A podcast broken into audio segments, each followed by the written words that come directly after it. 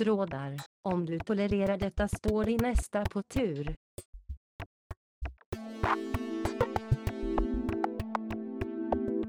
Du lyssnar på en fristående podcast som väver och trasslar med kunskapstraditioner och möjlighetsrymder. Vi som befinner oss i det här ljudrummet heter Per, Oskar och Klara.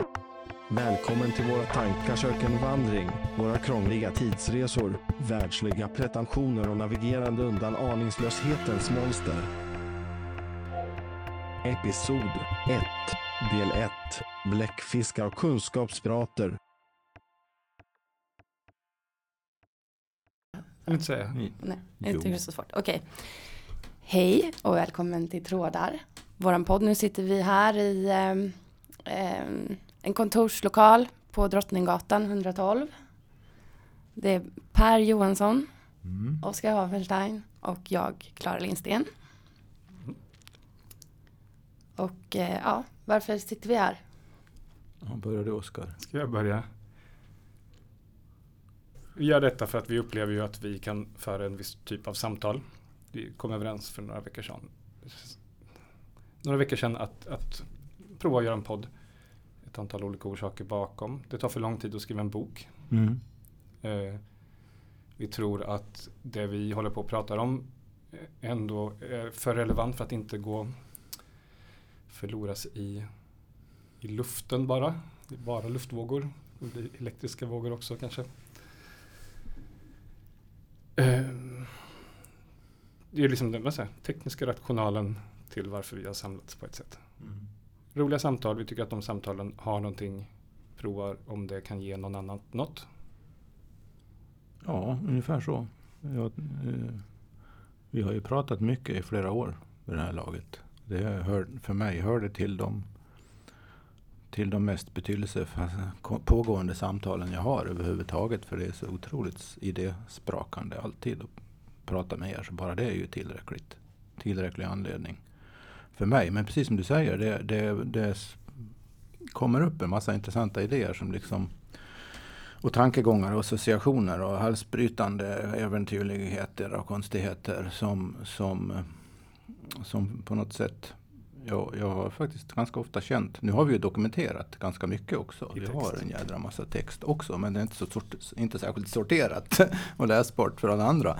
Men, men eh, jag håller verkligen med om att det liksom för- försvinner, i, försvinner mycket som kunde vara så att eh, ambitionen med det här är väl bara att, att, att, att spela in vad vi tycker är kul att prata om just nu. Och så, eh, ja, sen skiter väl vi om det är intressant för någon annan, men vi lägger upp det i alla fall. Ja, men jag tänkte på en rolig sak nu för att när vi satte igång och pratade här och så bara slog det mig. Ja, men jag hade verkligen ingen idé om en lyssnare. Nej, det är väl det. Ingen publik. Nej, Det har vi ju inte. nej. Ja. Nej, vi pratar för vår egen, egen, e, e, egen skull och eget intresse. Det gör vi ju såklart. Sen vet, sen vet vi ju, eftersom vi pratar med massa andra människor också, att, vi, att, att, att eh, det finns ju en och annan som tycker det är ganska intressant att höra om våra idéer som vi har Ja. kläckt ur oss. Så att det, det är klart det finns en, en, en, en önskan att föra ut någonting, men det finns inget program, det finns ingen särskild sån avsikt. Nej. Jag tänker att eh, ett, ett motiv som inte handlar exakt om en publik, men det är det engelska citatet Let your weird light shine bright so the other weirdos can find you. Ja, det är bra. Det är kanon. Så det finns någon, det, fin, det finns ett, en, flashlight i Ja. det här, eh, Ja, en, ändå en vilja till någon form av fyr som söker Just det. i natten. just det. Ja. Flaskpost. Eh, sända signaler till rymden. Alla de här. Det, vilket är en livsfarlig syssla. Vi ska inte skicka signaler utåt för vi vet inte.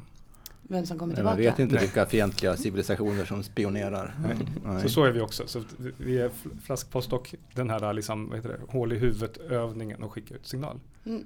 Mm. Farligt. Eller, Ehm, trådar Mm. har vi valt att kalla det här rummet för. Ehm, och vi kommer med varsin tråd in till bordet. Den är inte helt klar eller färdigvävd eller färdigspunnen. Eh, vi hoppas kunna väva ihop trådarna till ett nytt trassel, en ny väv en ny tråd när vi kommer till slutet idag. Mm. Ja, trådar. Ja, men jag tror faktiskt att man kan säga också, vi valde trådar, trådar och väv sitter ihop. Vi, har ju någon, vi delar ju ett antal olika ingångsvärden som gjorde att vi valde trådar. Och att vi kan prata på, på det sättet som vi pratar med varandra. Um, jag läste massor med artiklar om Matrix firar ju 20 år. Mhm, Så att det skrivs en mhm. hel del om, om den. Och det är väl inte, det är ganska kul att vi inte heter Matrix för det kan bli, nu, nu i mitt huvud så battlar jag med några stycken saker samtidigt. För på orden vi har sagt hittills i början så hörs det att det finns lite pretensioner. Ja, ja, för fan. Eh, och, eh, så, jag läste en artikel utav en, en kille som heter John Mellqvist om X-generationens rädsla för innerligheten kan vi nog prata om senare. Mm. Så, så pretensioner och innerlighet är lite tufft, särskilt för min generation. Vi, sitter, vi är ju tre generationer också. Mm, just det. Så att eh, man, man skruvar ju på sig av pretension och innerlighetsbehovet som finns av att göra en sån här sak. Ja, Om man ja. i alla fall är X då. ja ja.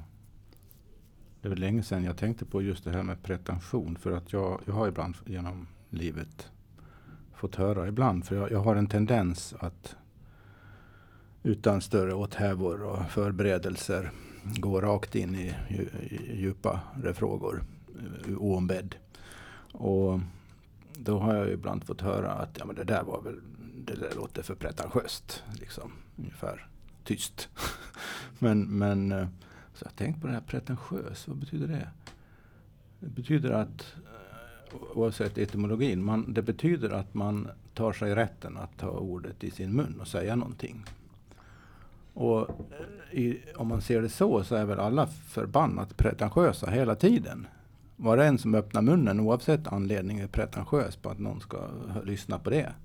Så varför skulle det vara mer pretentiöst att ta upp någonting av djupare intresse än av att säga jag är så jävla trött på den där chefen som är på mig hela tiden. Eller oh, jag orkar inte mer. Eller Åh vad glad jag är idag, nu ska jag gå och köpa blommor. All, allt sånt är väl precis lika pretentiöst. Varför ska jag behöva höra på allt sånt? Jag har inget emot att höra på allt sånt, det är inte det. Men jag menar vad, vad, vad, är det för skillnad i pretentiositet genom att säga att ja men jag tycker faktiskt det är, är viktigt att, att reflektera över de underliggande tankegångarna bakom det, ditten eller datten.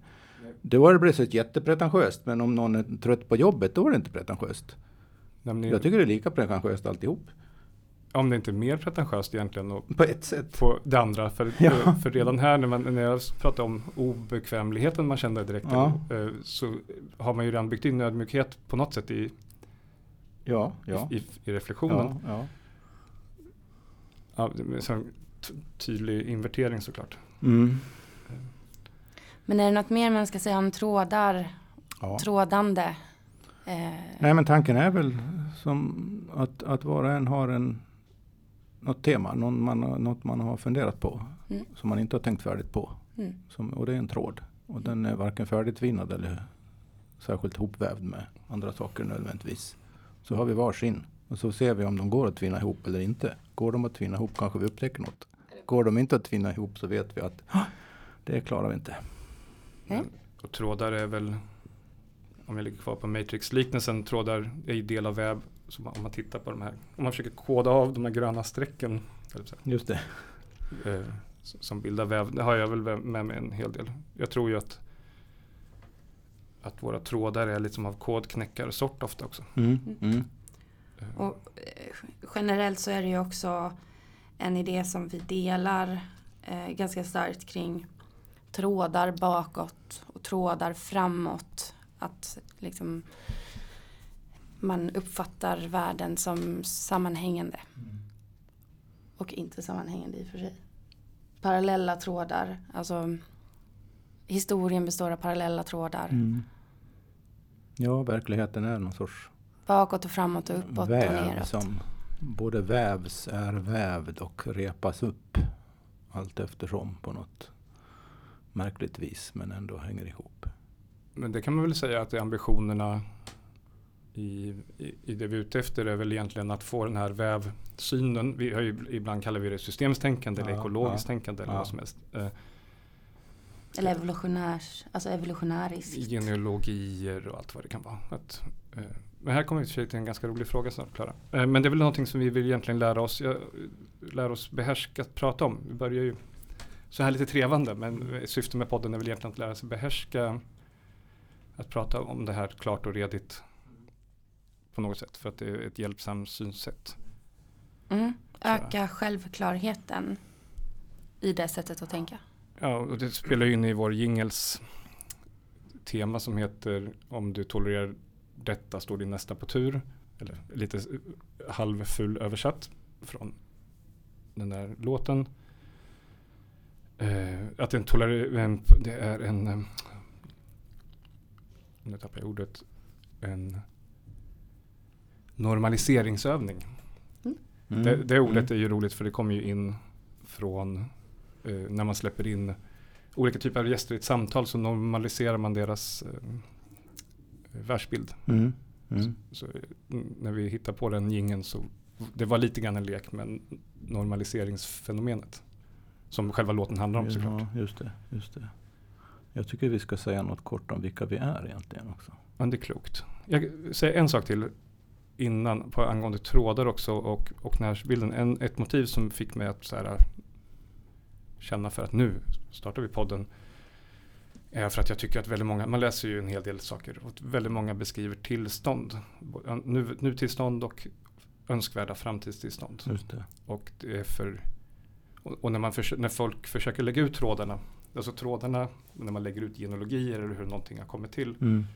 Så antingen blir de svaga eller så blir de jättestarka. Styrkan ligger väldigt ofta i hur någonting har uppstått. Man får väldigt mycket powerkraft i sin i en, i en framställan Ja, via hur, den, Ja. hur man har byggt sina trådar. man, i princip om, eh, om, om man har med sig att det som är en viss väv just nu har trådar, rötter Mm.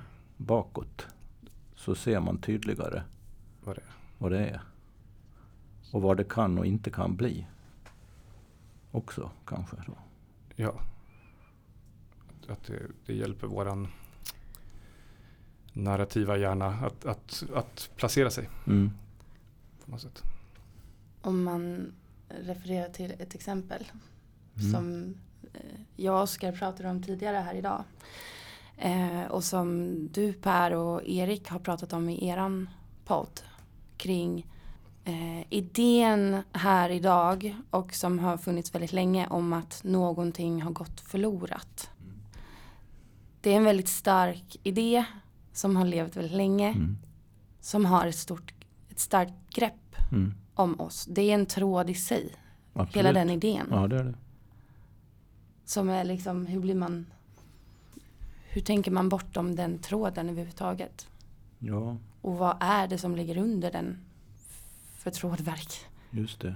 Det, ju, det, där, det där leder ju ut på riktigt djupvatten på en gång. Ja, jag vill inte kasta in oss i det hu- hur mycket som helst men jag vill bara säga det som exempel. Ja, men, det, Ehm, mm. men det är ett bra exempel för det, eftersom det går så djupt och, och, och är något återkommande fenomen genom historien vi känner till, verkar det som. Inte bara i västerländsk utan även i andra, en del andra kulturer. Ehm, det är ett exempel på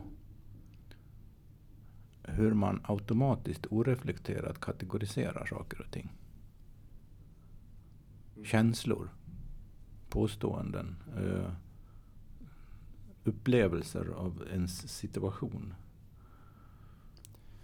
Och det är väl en av de sakerna vi börjar öppna upp via våra trådar. Jag kommer i, i min intråd adressera det, du kommer kanske redan göra det i din. Klara. Jag kommer prata om Nietzsches ensamhet. För att ehm, eh, jag har nyligen läst eh, Så talade Zarathustra. Mm. Och i eh, inledningen till den eh, boken så, eh, så är det ett brev som Nietzsche skrev till sin bästa vän på slutet. Mm. Som ger en viss eh, känsla för en viss ensamhet. Mm. Mm. Ehm, ja, men det tar vi sen. Mm. Det är, det, är, det är mitt tema till bordet. Mm. Spännande. Mitt tema till bordet kommer vara eh, diskussion, diskussion, reflektion omkring meningskrisen som definitivt hör ihop med vad har gått förlorat. Meningskrisen. Mm, mm, Eh, den aktualiseras nu av, av en ganska poppis eh, en, en, amerikan, en nej, kanadensare som driver en YouTube-serie eh, som eh, trendar hårt i vissa kretsar som jag lyssnar på. Och så har väl en reflektion över hur jag tar mig an det ämnet eller skulle behöva hjälp med då. Mm. Vad heter den? Serien? Serien heter ju Awakening from the Meaning Crisis Okej.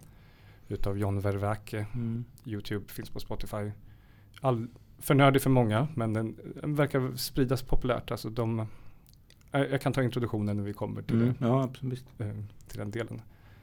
Men den, och den ligger väl i mycket dialog med ditt ämne Klara. Ja, min tråd in i det här är extremt övergripande och för mig själv än så länge väldigt vag. Så det är bara någonting jag tvinnar in här som för att se vad det kommer för respons på det.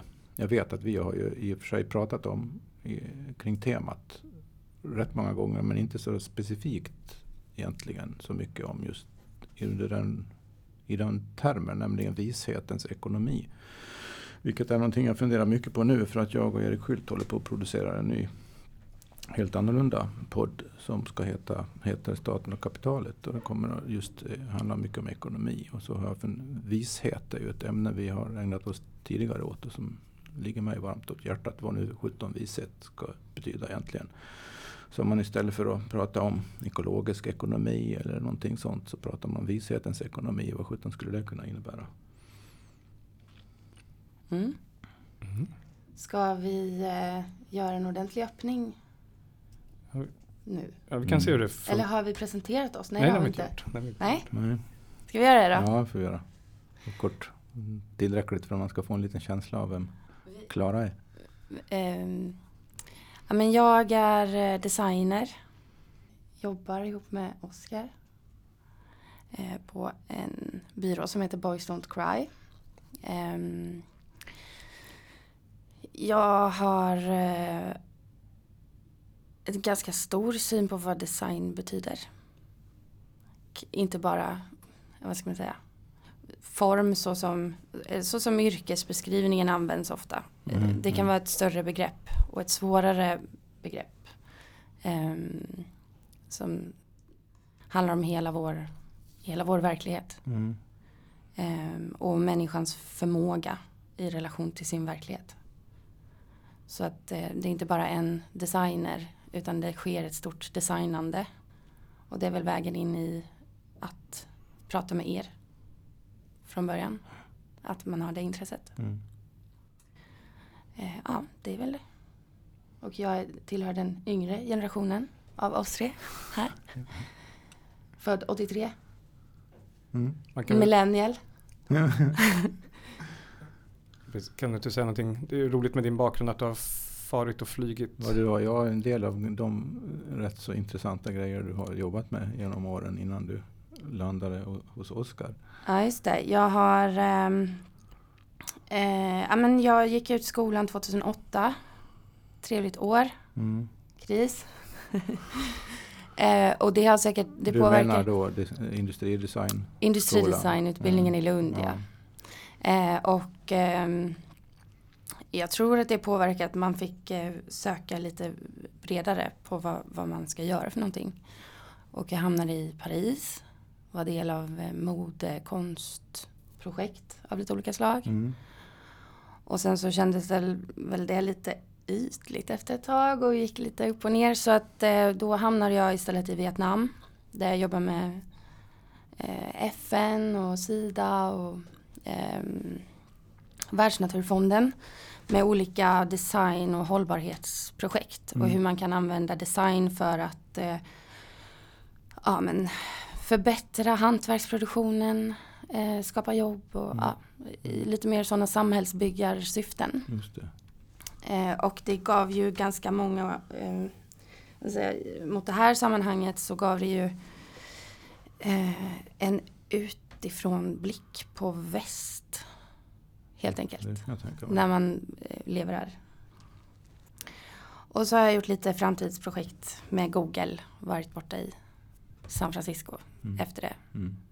Som var motsatsen då på vissa sätt från eh, hantverksvärlden. Ehm, Ja, men det, ja, det, det är ju inte, det är ju betydelsefullt den här rikedomen av erfarenheter från olika håll. ja, Utifrån ett väldigt annorlunda designperspektiv som du har utvecklat genom åren. ja, men ja. Det är väl ett, en, ett, sätt, ett sätt att utforska. Att eh, göra olika saker och slänga en in i nya saker. Mm, mm. Ja, jag måste säga någonting om det är okej, om något mera personligt om, om, om Klara. För att ehm, det är några år sedan vi träffades första gången nu. Eh, omständigheterna kvittar just nu. Men min minnesbild är att när vi, vi pratade ganska länge minns jag. Min minnesbild är att jag lyssnade med stort intresse för du var väldigt engagerad och hade jättemycket att säga och det gick väldigt fort att säga alltihopa. Och eh, efter ett tag när jag försökte få ihop alla, apropå trådar, alla trådar du spann, spann ur i luften mellan oss. Eh, Oj, det var den tråden. Oj, det var den tråden. Oj, det var en annan tråd. Oj, det var en tredje. Oj, fyra, fem. Hur, vad fan, hur många trådar är det egentligen? Och jädrar vad fort det gick. Och vilka associationer. Så jag blev, jag blev rent yr i huvudet. Och sen efter, efter ett tag så började de liksom vävas ihop på något sätt. Och så trillade polletten ner. Och så tittade jag på det igen och tänkte oj. Hmm. Det här var eh, störst antal intressanta påståenden jag har hört på tio minuter på länge. Och på den vägen har det fortsatt. Så ja, ja jag vill bara säga det. Det finns en, det är en speciell känsla. Det är det faktiskt. Roligt. Roligt. Ja, men jag kan lägga till, det är ju kul sätt att kommentera. Jag tycker att det, du lärde mig begreppet touchatou. Touchatou, Touchatou. en français. Touched by everything. som eh, både finns i din världsomspännande, världsomspännande, vet jag, världsoms, om, nej, fan kan jag inte säga, resa runt jorden. Mm. Eh, men också i, mot vad Per sa också. Mm. En särskild konstnärstyp kan du Ja, precis. Eh, man, det, det fula sättet att se på den idén är ju att man är all over the place och ska hålla på med allt möjligt Mm, och kun, mm. låtsas att man kan allt möjligt. Mm. Den fina bilden är ju mer att man är som en eh, bläckfisk med många armar. Man kan ju inte rå för Mm. att, ar, Mm. alltså, Mm. det, är- det är om, omvärlden som kommer till en själv. Eftersom man har så många armar Just som det. råkar Just det. vara ja. där. Ja, just det. Ja, det, det tycker jag var en bra bild. Jag kan identifiera mig själv ganska mycket med den faktiskt. Så det, världen faller på en snarare Ja. än Ja, att man är ute och Ja. surrar. ja just det. Just det. Mm. Du eller jag? Ja, jag kör du Oskar.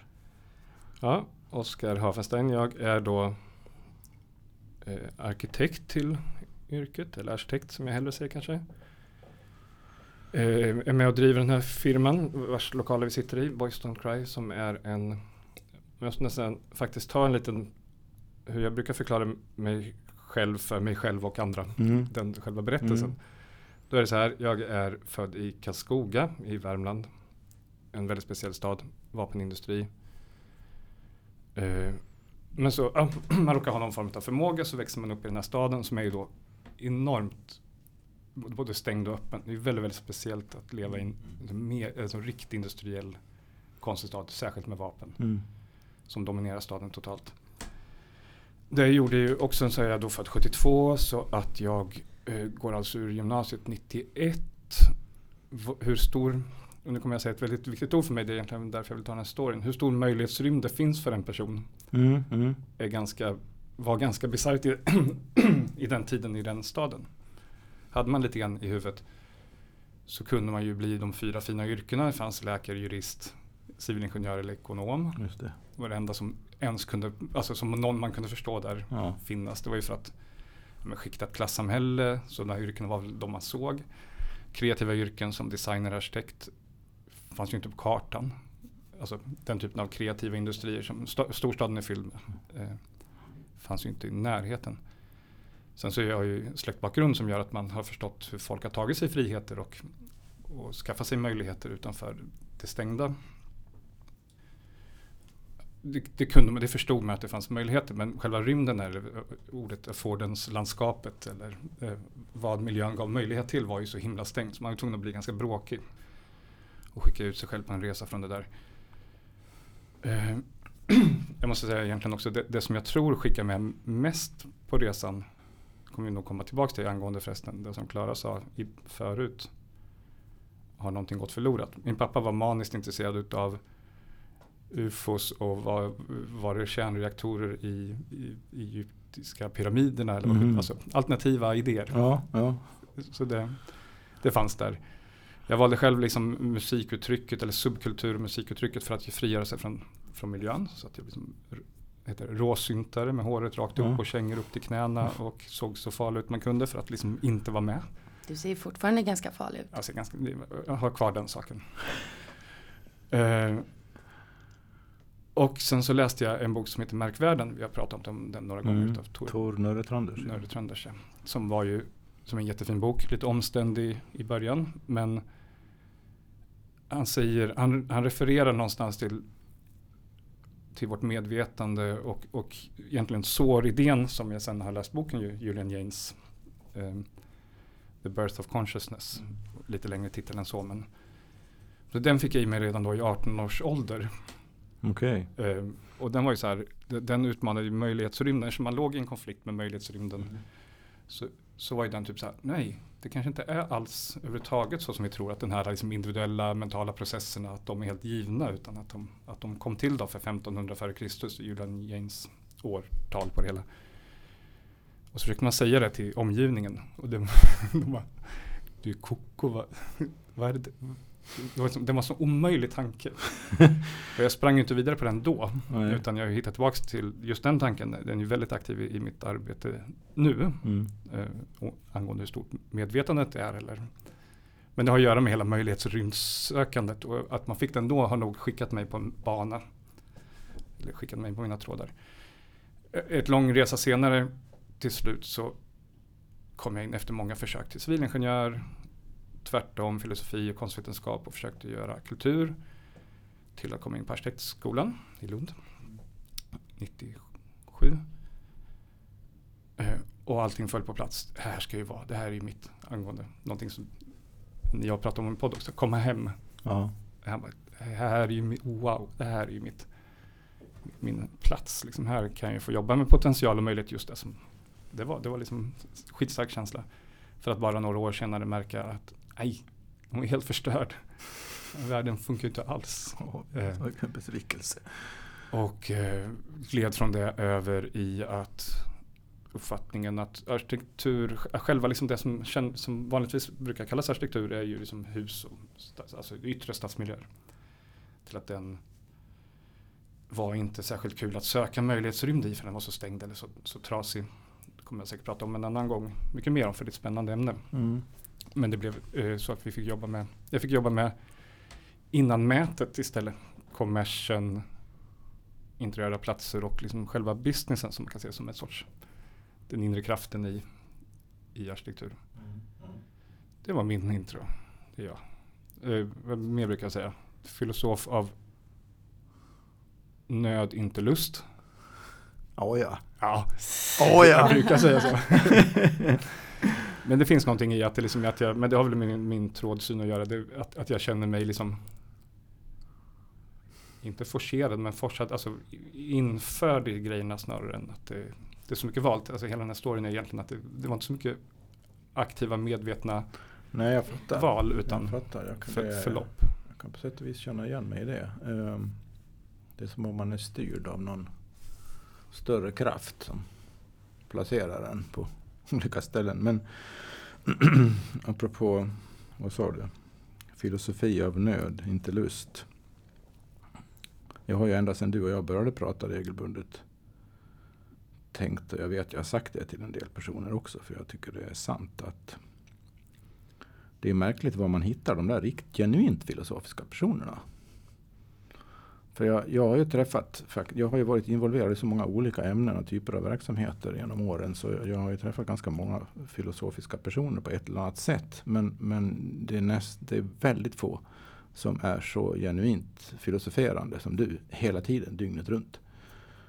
Vilket jag tycker är fascinerande med tanke på vad du dagligdags jobbar med inte minst. Så den kontrasten är ju så otroligt intressant att jobba med till exempel retailbranschen och vara så filosofisk som du är. Kan du inte säga någonting om det? För att jag tror att i, i först i mina ögon innan jag lärt känna dig mera så, så var ju det en sån en hopplöst paradoxal kontrast. Och det måste finnas någon mening för dig i det. Ja, men det finns en jätte, det är jätte, så här, jag kan knappt använda ordet medvetet val, men det är ett, ett starkt val, skulle jag säga, i att, nej men så här, varför är arkitekturen död? Min, liksom, så som jag uppfattar den. För att man egentligen inte har koll på dess väv eller dess, liksom, vad, den, vad den relaterar till. Jag tyckte att man, det kommer vi säkert prata mycket mer om. Jag är inte jättebekväm med att använda ordet, jag kan inte det så himla bra, men eh, den är nog egentligen narcissistisk, alltså den utgår omkring sig själv. Eh, väldigt mycket om skaparna och om vad de känner. Alltså, Mm. eh, och så har man allmänna uppfattningar om vad andra kan tycka om det hela. Det tyckte jag nog var ett stort fel. Mm, Liksom. mm. Eh, sen så var det väl så att jag tyckte att andra fält som slutanvändare, slutmänniskor eh, och business och allt möjligt runt omkring eh, sätter ramar eller skapar både möjlighetsutrymmet och hindret för det som jag då ville göra. Alltså hela grejen varför för retail och filosofi, hela de, de två bitarna ökar ju. Det är ingenting som jag är på väg att avsluta för att få bli Nej, filosof. nej. Liksom den här liksom, Det vet. etan, alltså, vet det, polariteten den ökar ju. Mer Ja. filosofi och mer business för Ja. varje dag. Ehm, det var egentligen för att jag kände shit man måste jorda den här grejen. Alltså, jag kommer aldrig kunna vara bra på, om jag fortfarande har ambitionen att kunna prata om arkitektur på något vettigt sätt eh, framöver eller kunna skapa Arkitektur då i en närmast filosofisk mening egentligen. Ja men det blir så. Byggd arkitektur måste egentligen vara filosofisk. Särskilt nu för tiden så måste den ju vara uttalad för den var nog det från början kan man säga. Ja, ja, Den var till och med autofilosofisk eller vad vi ska kalla det för om vi hoppar tillbaka till tiderna. just det. Alltså det fanns arkitekturteori. Ja, det fanns en vishetstradition omkring arkitektur kanske. Det var ganska svårt att verkligen hitta för, för historien har stenhuggarvishet. Ja, ja, just det. Men, men det kan nog komma till. Men det var helt enkelt ett, ett jättestarkt val i att så här, om man inte kan vara i den här liksom, där den befinner sig så måste jag gå lägre. Liksom. Och då blev det människors fötter på marken. Retail är egentligen Mm. människors fötter som går. Just det. Det är liksom himla jordat och Ja. väldigt så här. Ja. Så att eh, då drev jag som, oj, det här är en rekommendation till alla arkitekter, designers, alla varumärkesutvecklare och alla sådana typer av folk vi kommer i kontakt med. Att man måste liksom verkligen vara i kontakt med, med marken. Det är också ett fantastiskt sätt att pröva de filosofiska principer och idéer som man kan få om de verkligen håller i det, ett av de mera utmanande sammanhangen. Man, Ja, det är ju ett sätt att verkligen sätta saker på, på test och på Ja, prov. ja. Eh, Så det är viktigt och eh, sen så har man ju fått, så har man ju sett att, att vara, nej men för att förstå det där så måste man gå filosofiskt. Alltså det finns inget sätt att förstå nej, nej. människors rörelse på marken utan egentligen förstå eh, vad ska man säga, alla krafter, alla fenomen som påverkar. Men det, det är egentligen, det, jag tänker att det är egentligen måste ju vara samma sak för dig, Klara. Någon, mot- någon sorts motsvarighet. För du är, du är ju, du, som jag sa nyss, du, du är också en av de där verkligt genuint filosoferande personerna som jag känner och en av dem genom livet. Men du, du, du sysslar ju ytligt sett inte med, med det. Jag menar du kan ju säga ja jag jobbar som designer med där och där på den och den byrån och så tror alla att de kan sortera in dig i det facket och så är du, kan du vara osynlig så att säga på det sättet. Men, men, men i, i, ditt, e, i ditt inre måste det ju se rätt annorlunda ut. Ja, men det är ju ehm, den, alltså, det är ju den stora anledningen till varför vi, du och jag, Oskar, jobbar ihop. Mm. Mm. Alltså med de här projekten som ofta är då företag, varumärken, liksom, som har stora kedjor. Allt från banker till kläder och Ja. telekom. Sånt Mm. där. Ehm, vi lär oss ju så himla mycket av att göra dubbelspelet. Alltså, Mm, mm. Intressant. Ja, det hade varit, alltså det hade ju varit en sån ångest att bara försöka, ja, men dels går det inte för jag sa det här att vara filosof utav nöd och inte lust. Mm. Så går det ju inte att bara, alltså filosofi utan marken går ju liksom inte. Det finns ingen. jag, jag, jag tänker på en berättelse som du delade för länge sedan i ett myter och mysterier avsnitt. Mhm. Eller om det till och med var Människan och maskinen. Var det? Det handlar om Einstein. Okej. Eh, och som jag, Kunskapens träd var det? Kunskapens träd Ja. var det till och med. Ehm, och så som man kan, så som jag tolkar det då, man kan ehm, tro att Ein- Einstein var ett himla geni som bara liksom Ja, hitta på ur- det här ja. från en abstrakt hög stol. Eller vad man ska säga. Ja, precis. Eh, men i verkligheten så jobbade han dagtid på Patentverket när Atlantiska kontakten precis hade uppstått och telegrafen hade uppfunnits och det bara liksom kom jättemånga olika uppfinningar på hur man måste då relatera till tid. Just det. För att helt plötsligt så blir tidsskillnad synligt. Ja. I Och, och, och vardagen. ekonomiskt viktigt. Mm. Så han sitter och godkänner de här uppfinningarna hela tiden. Mm. Och på kvällen när han funderar så börjar han tänka på tid och att tiden kan vara relativ. Just. Det är ju liksom helt plötsligt så framstår det inte som något genialiskt. Det handlar bara om att man jobbar på två nivåer samtidigt. Mm. Så det är väl en eh, Ja, man Det är skulle till och med sätt. kunna faktiskt spekulera i hur det vill, för att, att det fanns en genialitet är väl i och för sig uppenbart, men den kommer ju som Ja, du, precis, ja, men precis som du säger, kommer inte ur tomma intet. Det, Nej. det, precis. Och, och, och, och det, frågan är om, om inte den sortens genialitet liksom förutsätter någon sorts jordning, som Oskar kallade det nyss. Utan den jordningen så svävar ju filosofin fritt. Det är det jag har haft emot akademiskt filosoferande länge. Jag har aldrig stått, jag har ju aldrig stått ut med det själv. Jag provade en gång att läsa teoretisk filosofi. Det var det värsta jag varit med om. Mm. Det var det mest ofilosofiska faktiskt. Bokstavligen ofilosofiska jag någonsin har varit med om. om, man de, om man definierar filosofi som man, jag tycker man borde göra ordagrant. Kärlek till vishet. Att bli klokare, att förstå bättre. Och inte bara liksom abstrakt teoretiskt utan så att det påverkar ens liv, hur man lever, hur man ser på sig själv och andra. Om, det, om, om, om, om filosofin inte har sådana konsekvenser. Och det kan ju vara på olika sätt och det kan ju vara som ni beskriver, det kan ju vara på andra sätt. Om, om den inte liksom jordas på det sättet i en själv och i ett, även i, i någon sorts konkret institutionssammanhang, då, då tycker jag det liksom fri, är så frikopplat från ja, själva levandet så det blir helt meningslöst. Verkligen. Jag måste säga, jag läste filosofi, teoretisk filosofi, grund, ja, kurs bara. Men den började, eller den slutade med, i den lite valbara delen, efter logik och allt annat, Ja. i eh, fria viljan-problemet. Mm, mm. Eh, det var 93 eller 94 jag läste det. Det, det är ju alltid ett, ett jordat problem. Den Ja, har ju ja, alla visst. människor kontakt med. Så den är, den är ju rolig på det här sättet. Mm. Eh, Men det lyckliga då var att jag fick läsa Elbow Room, den ett, så att där fick jag också i mig en ganska rolig dos utav eh, hur skaffar man sig, alltså det, det var, jag ska inte ta hans resonemang, men jag tycker Elbow Room, själva den metaforen, eller den bilden är ganska rolig. Hur Mm. får jag liksom utrymme att röra mig? Verkar ju kopplat till vad jag pratade om förut. Ja. Intresse om handlingsutrymme. Mm. Man kan ju säga snabbt att han hävdar ju att det är lika bisarrt att inte ha en fri vilja som att ha en fri vilja. Därav är det frågan, alltså frågan är inte intressant. Nej, på ett För sätt. båda, eftersom båda, både svar A eller B är bisarra. Om man börjar liksom, Just det. Och även erfarenhetsmässigt kan man ju reflektera att om man tänker sig att man, om man antar att, om jag antar om mig själv att jag hela tiden aktivt utnyttjar någonting som kallas för min fria vilja. Så vet jag ju av erfarenhet att jag inte gör det. Ibland, ofta, Mm. händer det bara saker. Ofta sätter jag igång någonting, gör någonting, säger någonting och det, det finns ingen vilja bakom det. Det är bara liksom, man kan efteråt undra, vad gjorde jag så? Varför? Det var väl ingen fri vilja då? Jag var inte medveten i alla fall. Omedveten fri vilja blir lite självmotsägande. Mm. Och likadant om man tänker, tänker att man inte har någon fri vilja alls då.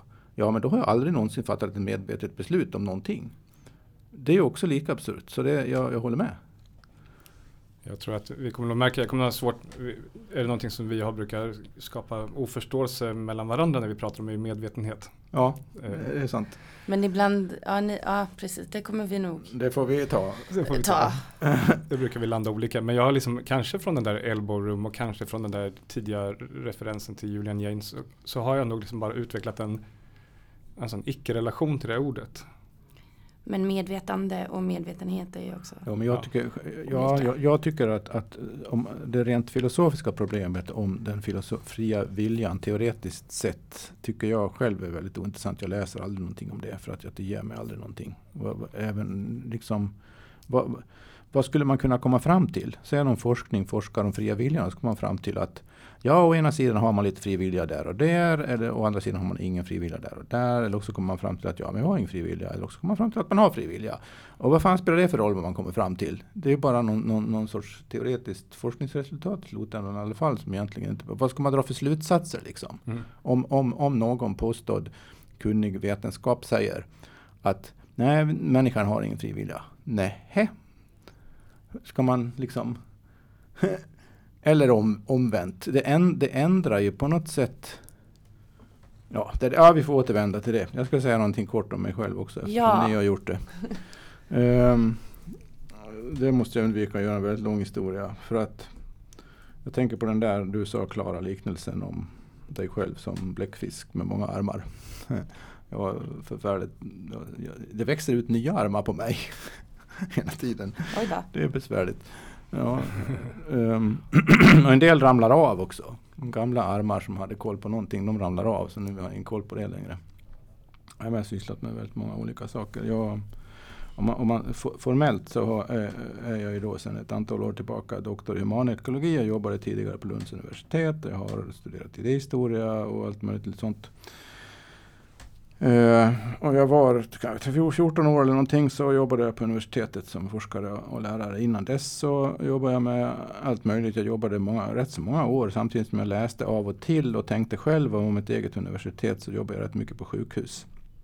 Som sjukvårdsbiträde bara för att det var, det var ett väldigt bra jobb. Särskilt när jag jobbade ofta deltid så, så kunde jag jobba där och köra, syssla med väldigt livsnära, eh, extremt mänskligt konkreta saker. Och sen kunde jag ägna resten, av, vilket var ju lärorikt i sig då såklart. Eh, så på olika möjliga personliga vis. Så kunde jag ägna resten av tiden helt, helt fritt åt att eh, tänka, tänka själv. Jag hade tidigt bestämt mig för vissa frågor som jag hade, ville lösa. Det här har jag pratat ganska mycket om i de serier jag har gjort tillsammans med Erik Skylt. Så jag tänker inte upprepa det här nu. Är det någon som av någon anledning tycker det är något av intresse överhuvudtaget så kan man ju lyssna där. Men, men ehm, jag har det som så att säga har stört mig och därmed drivit mig är att jag har varit samtidigt övertygad om till synes oförenliga saker. Som att, att eftersom min första bakgrund var som att vara väldigt intresserad av biologi och mer, mera konkret liksom djur. Men sen blev jag mer allmänt intresserad av biologi och zoologi och evolutionsteori och, och ekologi och sånt där. Det blev mer och mer teoretiskt och filosofiskt på ett sätt. Men väldigt materiellt och fysiskt och, och, och sådär. Eh, och, och då anammar man ju lätt, som jag gjorde eh, i ungdomen, en, en, eh, ja, en ganska radikal materialistisk verklighetsuppfattning. Så allt som hade sånt där med liksom andlighet och psykologi liksom någon sorts lite högre mening att göra. Det var liksom ingenting jag gick och tänkte på eller var intresserad av överhuvudtaget. Samtidigt så hade jag redan tidigt faktiskt väldigt egendomliga erfarenheter och upplevelser som inte stämde överens överhuvudtaget med en sån verklighetsuppfattning. Men de hade jag på något sätt förträngt. Men de, de, de de gjorde sig gällande mer och mer ju äldre jag blev. Och, och, och till slut så kunde jag inte bortse från det där. Och då levde jag plötsligt i två världar. Jag levde i en värld som var besjälad och, och, och levande och i sin besjäladhet osynlig på sätt och vis och skenbart åtminstone skulle jag kunna säga idag. Icke fysisk men och så andra, å andra sidan hade jag den här materialistiska övertygelsen också. Och jag fick inte det där att gå, gå ihop överhuvudtaget. under många år. Och det var, det, var, det var ju en sorts, naturligtvis en sorts filosofiskt problem inbyggt i det där då ju. Det var därför jag började intressera mig för så kallade filosofiska frågor. Men det var inte för att jag tyckte de filosofiska frågorna i sig var särskilt intressanta. Det var för att det var någonting i mig själv som inte gick ihop. Så det var ett existentiellt behov av att få ihop sig själv. och så småningom så lyckades jag väl med det där och få ihop mig någorlunda. Och, och, då blev jag tvungen att radikalt ändra verklighetsuppfattning helt och hållet. Och, och, och när, när, när jag började liksom lite mer systematiskt bena ut för mig själv hur, hur världen egentligen ser ut då, så som jag hade kommit fram till, så landade jag ju i någon sorts ekolog, ekologiskt, evolutionärt ekologiskt, framförallt ekologiskt perspektiv. Men ekologin och då någon sorts mycket vidare mening än rent eh, sånt som har med energiutbyte och predatorer och sånt att göra. Och ekosystem och utan en mera konkret, hela tiden faktiskt pågående ekologi som till exempel erfarenhetsmässigt så yttrar den sig genom att var och en av oss är en eh, ofrånkomlig del av en ekologi i och med att vi äter och dricker och skiter och kissar. Så passerar vår omgivning genom oss hela tiden. Och det är inte bara materiellt då med, med mat och bajs utan det är, det är också psykologiskt så passerar det känslor och affekter genom oss och från oss och mellan oss hela tiden på olika sätt. Det är också en, en, liksom en ekologi som inte är lika påtaglig som den här ämnesomsättningsekologin men det är också en ekologi. Och, och även mera subtila erfarenheter och upplevelser som en del kallar andliga och så vidare en del av är en del av ekologin. Kommer fram till. Så jag kommer fram till att allting är ekologi. Allting är på något sätt någon sorts animistisk verklighet. Och jag brukar säga numera lite formelaktigt att allting är fysiskt men allting är inte materiellt. I, materiellt i vardaglig mening. Så det, där, det är där jag har landat och jag tycker jag har väl utvecklat ganska starka tankeverktyg för att argumentera för att det, det där är värt att ta på allvar, ett synsätt. Och när man gör, börjar göra det då, som jag också har gjort akademiskt, så stöter man ju på patrull såklart. För det, det, stämmer ju inte överens för någon. För att de som vill, vill hävda den mera materialistiskt orienterade synsättet, de tycker ju att allt som inte är liksom mera lättfattligt materialistiskt tycker de är mer eller mindre flummigt. De vill inte befatta sig med det överhuvudtaget. De som är lite mer så kallat andligt inriktade tycker att den där materialistiska fysiska aspekten av saker och ting, ja, men det, det blir för torrt och tråkigt och jag vet inte vad. Så om man, om man, om man liksom omfattar båda perspektiven i något sorts tredje, helt annorlunda sätt att se, då, då, då blir det svårt. Så det där, det där är ju abstrakt uttryckt, filosofiskt uttryckt då, någonting som jag har levt med länge och prövat i väldigt många olika sammanhang, inte bara akademiskt utan också olika konkreta sammanhang. Sen jag slutade på universitetet 2007 så har jag bland annat sysslat med olika saker som har med digitalisering att göra.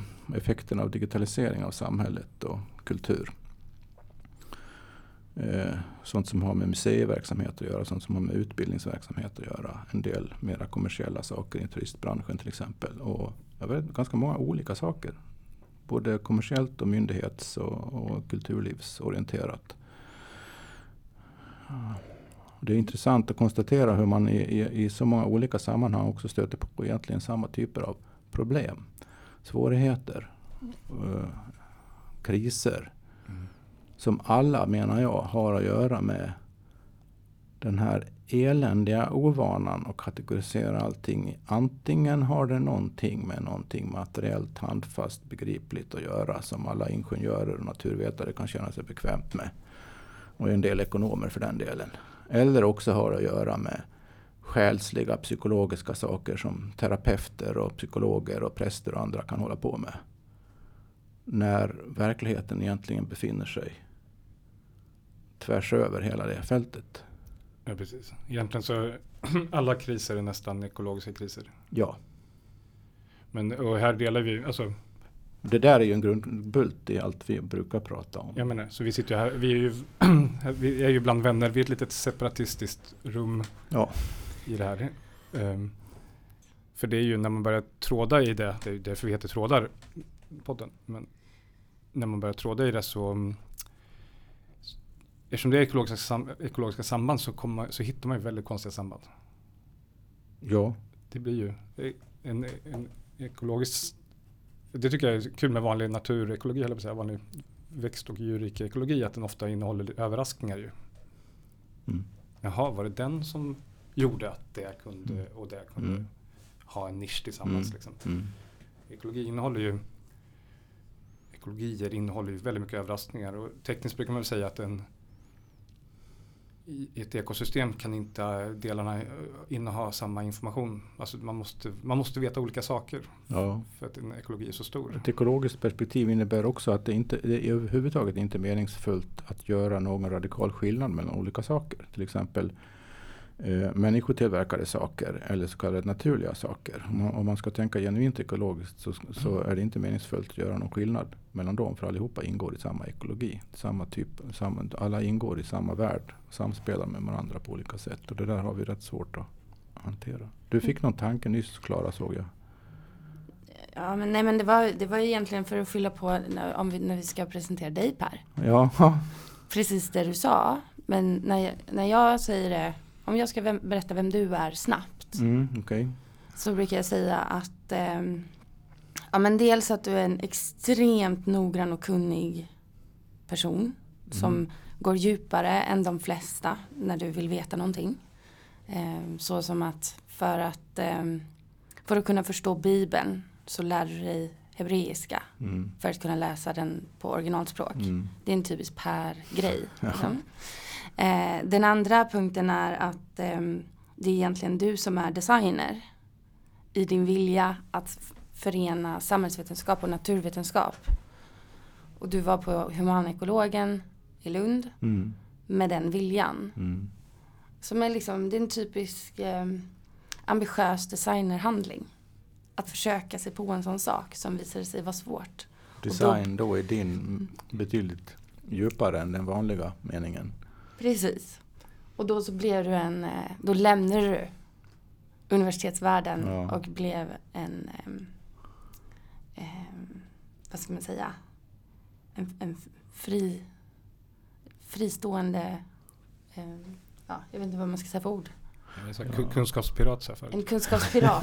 det är, Ja, det, Perfekt. det har jag inget emot den titeln. Eh, ja, ja, men det här med design var ju, var, var väldigt intressant för mig för att jag minns när jag, du, du har sagt det där vid något tidigare tillfälle, lite andra ord. Uh, jag kommer ihåg till exempel, jag skrev ju en avhandling som heter The Lure of Origins som har en ganska bastant uh, filosofisk, närmast delvis metafysisk del som där jag klargör mycket av det jag menar med ett genuint ekologiskt perspektiv där man inte gör någon skillnad mellan konkreta eh, organismer, artefakter eller symboler och, och tankesystem. Att allt det är liksom delar av samma sak som, som existerar på olika sätt som går liksom in och ur varandra.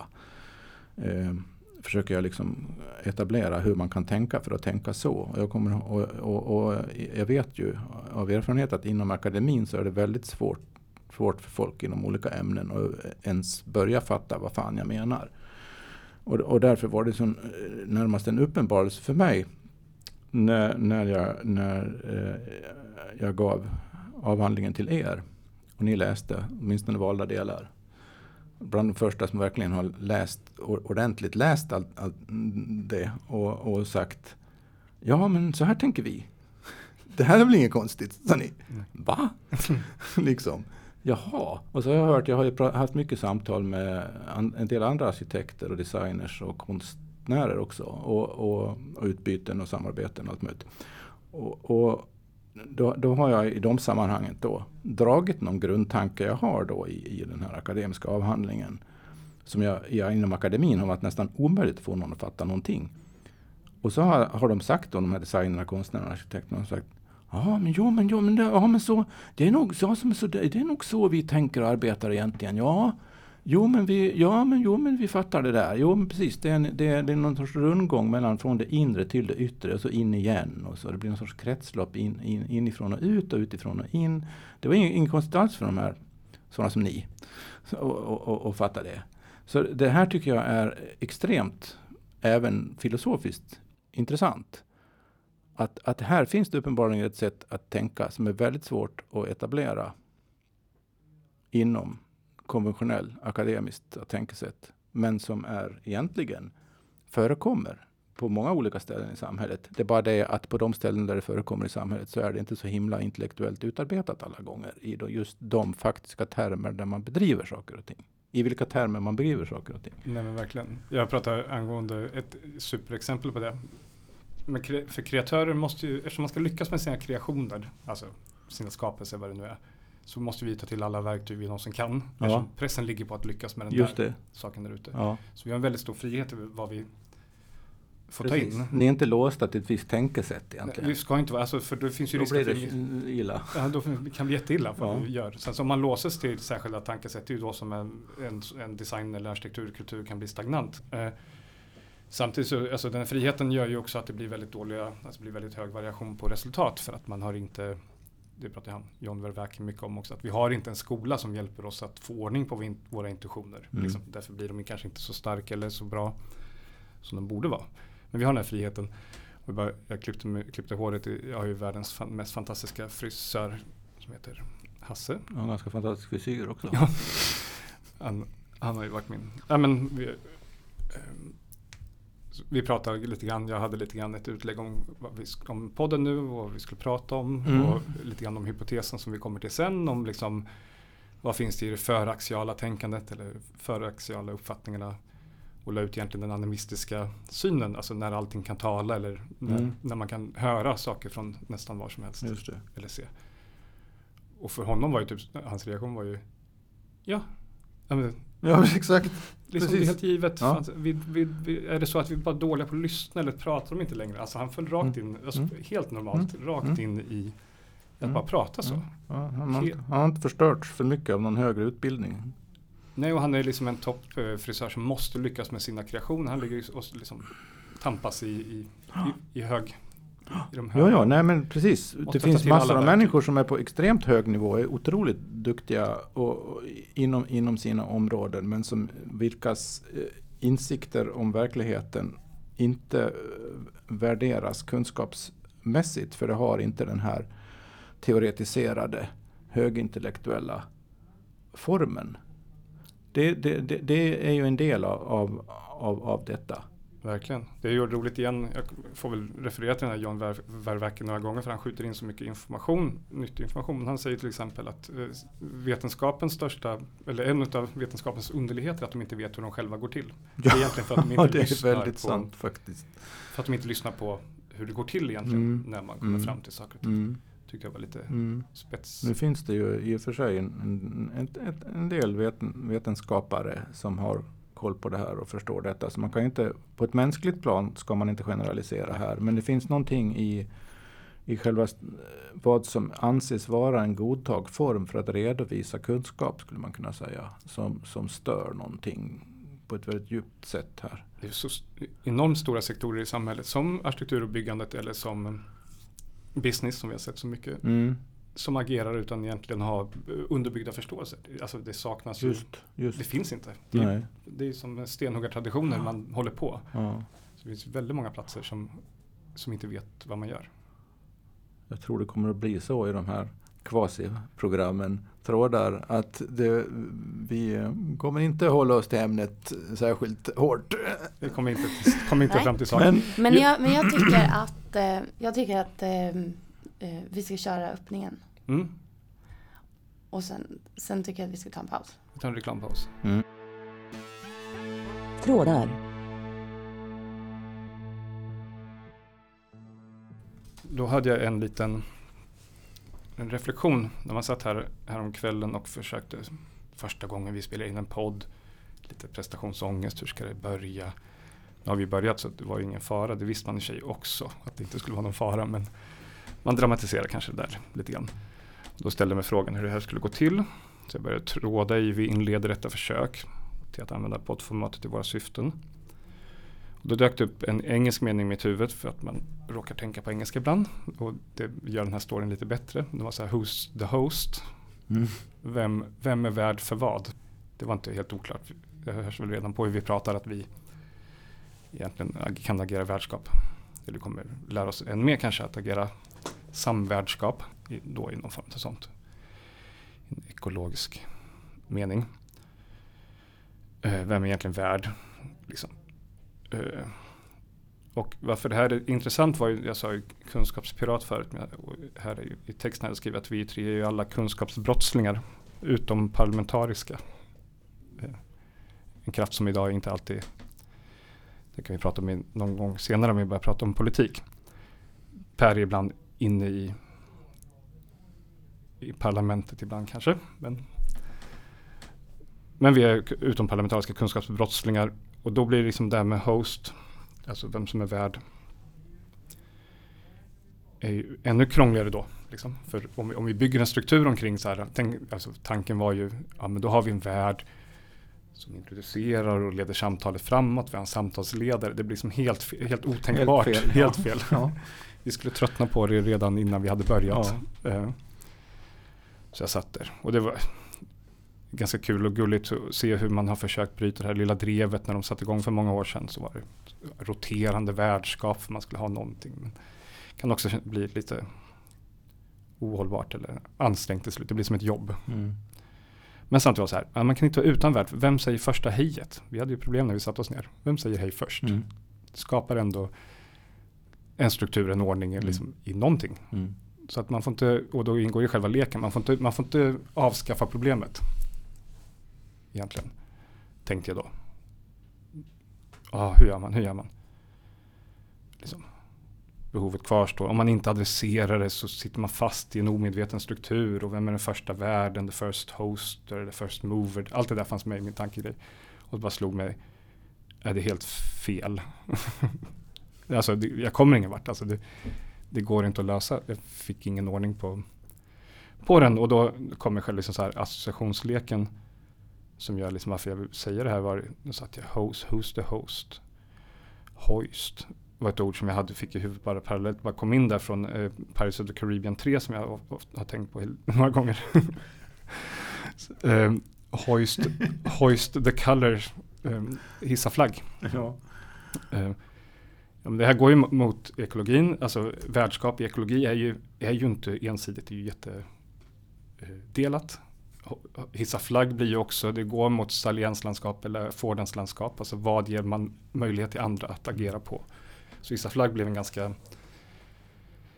eh, det blev liksom lösningen. Alltså, och det här är ju liksom, praktiskt har vi redan hållit på ett tag med, med det nu, men det blev intellektuellt så jag kunde fånga det det. istället för host, hoist. Den sången går ju så här, yo ho, hold together, hoist the colors high. Som piratfolket sjunger när de massavrättas utav Ostindiska kompaniet.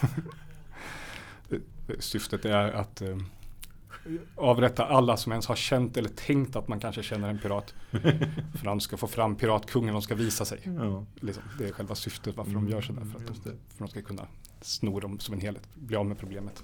Så vi ska hissa en flagga här nu. Yo ho, thieves and beggars, never shall we die. Så sjunger de när de eh, håller på där. Så podden syftar till att visa oss. Det går ju på vad du sa i början också om eh, eh, Fyrskap eller något sånt. fyrskap och eh, let the weird light shine. Men också hala tillsammans. Och, och när jag skrev här så här, vi är och har varit undercover, men nu ska vi hissa flagg. Jag tyckte det löste frågan. Eh, sen var det kul att, att gå från host till hoist, det var bara liksom en skön befrielse. Ja, okej, jag fattar. Värdar finns det i hem och i ekologi är vi hemma. Du har lyssnat på Trådar, episod 1, del 1, Bläckfiskar och kunskapspirater. Om du tolererade detta står nästa på tur. Tack för din tid. Vi som befann oss i detta ljudrum var Klara, Per och Oskar. För att komma i kontakt med oss och delta på resan, besök vår Facebook-sida som heter Trådar Podcast. Gilla den gärna och ännu bättre dela den. Och dela dina tankar med oss, och kanske även gå med i vår grupp. Trådar, gruppen, hur som. Detta var allt för denna gång. På återhörande.